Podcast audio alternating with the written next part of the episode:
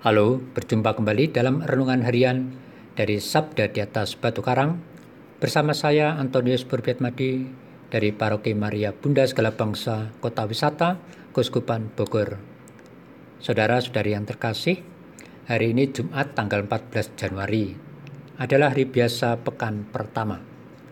Hari ini gereja memperingati Santo Felix dari Nola, seorang martir, Santa Magrina Tua, seorang pengaku iman, dan Santo Safa, seorang uskup dan pengaku iman. Tema renungan kita hari ini, bersihkan dari dosa terlebih dahulu. Yang terinspirasi dari bacaan kitab suci hari ini, bacaan pertama diambil dari kitab pertama Samuel, pasal 8 ayat 4 sampai 7, dilanjutkan ayat 10 sampai 22a. Dan bacaan Injil suci dari Injil Markus pasal 2 ayat 1 sampai 12. Mari kita dengarkan sabda Tuhan yang akan dibacakan oleh Saudari Monica Rosa dari Paroki Kristus Raja Katedral Kuskupan Tanjung Karang. Selang beberapa hari sesudah Yesus datang ke Kapernaum, tersiarlah kabar bahwa ia ada di rumah.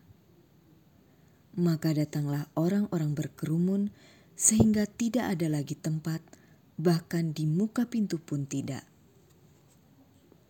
Sementara Yesus memberitakan sabda kepada mereka, beberapa orang datang membawa kepadanya seorang lumpuh. Digotong oleh empat orang, tetapi mereka tidak dapat membawanya ke hadapan Yesus karena orang banyak itu. Maka mereka membuka atap yang di atas Yesus Sesudah atap terbuka, mereka menurunkan tilam tempat orang lumpuh itu terbaring. Melihat iman mereka, berkatalah Yesus kepada mereka, "Hai anakku, dosamu sudah diampuni." Tetapi di situ duduk juga beberapa ahli Taurat. Mereka berpikir dalam hati, "Mengapa orang ini berkata begitu?" Ia menghujat Allah. Siapa yang dapat mengampuni dosa selain Allah sendiri? Tetapi Yesus langsung tahu dalam hatinya bahwa mereka berpikir demikian. Maka ia berkata kepada mereka, "Mengapa kamu berpikir begitu dalam hatimu? Manakah lebih mudah mengatakan kepada orang lumpuh itu?" Dosamu sudah diampuni, atau mengatakan, "Bangunlah, angkatlah tilammu, dan berjalanlah." Tetapi supaya kamu tahu bahwa di dunia ini Anak Manusia berkuasa mengampuni dosa. Lalu berkatalah Yesus kepada orang lumpuh itu, "Kepadamu kukatakan, Bangunlah, angkatlah tempat tidurmu, dan pulanglah ke rumahmu. Dan orang itu pun bangun, segera mengangkat tempat tidurnya dan pergi keluar di hadapan orang-orang itu. Mereka semua takjub, lalu memuliakan Allah. Katanya, "Yang seperti ini belum pernah kita lihat." Demikianlah sabda Tuhan. Terpujilah Kristus. Saudara-saudari yang terkasih, ada sebuah sharing iman yang baik dan menarik tentang kesembuhan jasmani setelah orang itu mengalami kesembuhan batin terlebih dahulu lewat pengakuan dosa. Dikisahkan seorang biarawati yang menderita sakit yang secara medis dokter sudah angkat tangan.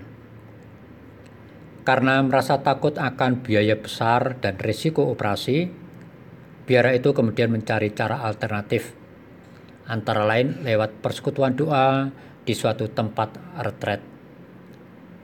Dalam retret itu, sang pembimbing rohani mengatakan bahwa sakit penyakit yang tak tersembuhkan itu dapat saja sembuh total jika terlebih dahulu karena adanya belas kasih dan pengampunan dari Tuhan. Biarawati tersebut tersentuh hatinya dan menyadari kesalahannya. Setelah retret, biarawati itu pulang ke kampung halamannya dan memberi pengampunan terhadap ayahnya. Dan biarawati itu juga memohon pengampunan dirinya lewat sakramen rekonsiliasi. Dan berkat belas kasih dan pengampunan Tuhan, akhirnya biarawati itu sehat dan sembuh dari sakit penyakit yang dideritanya. Syukur kepada Allah. Saudara-saudari yang terkasih, dalam bacaan Injil pada hari ini, kita mendengarkan bahwa kaum Farisi berpikiran negatif terhadap perbuatan Yesus yang mengatakan, "Hai anakku, dosamu sudah diampuni."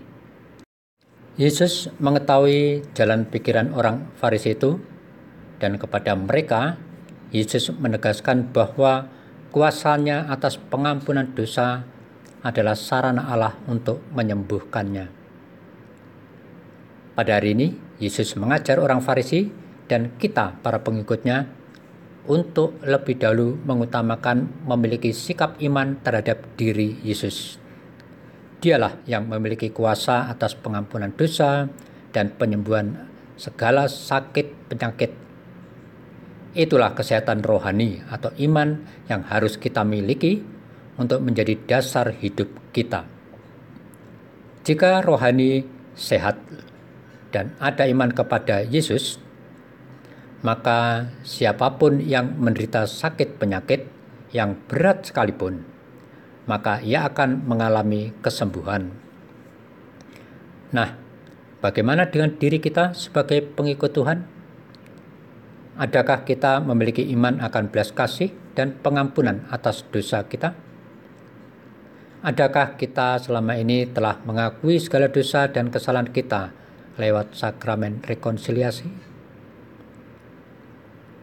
Ya Yesus, kuasa pengampunanmu sungguh menyembuhkan jiwa dan ragaku. Amin.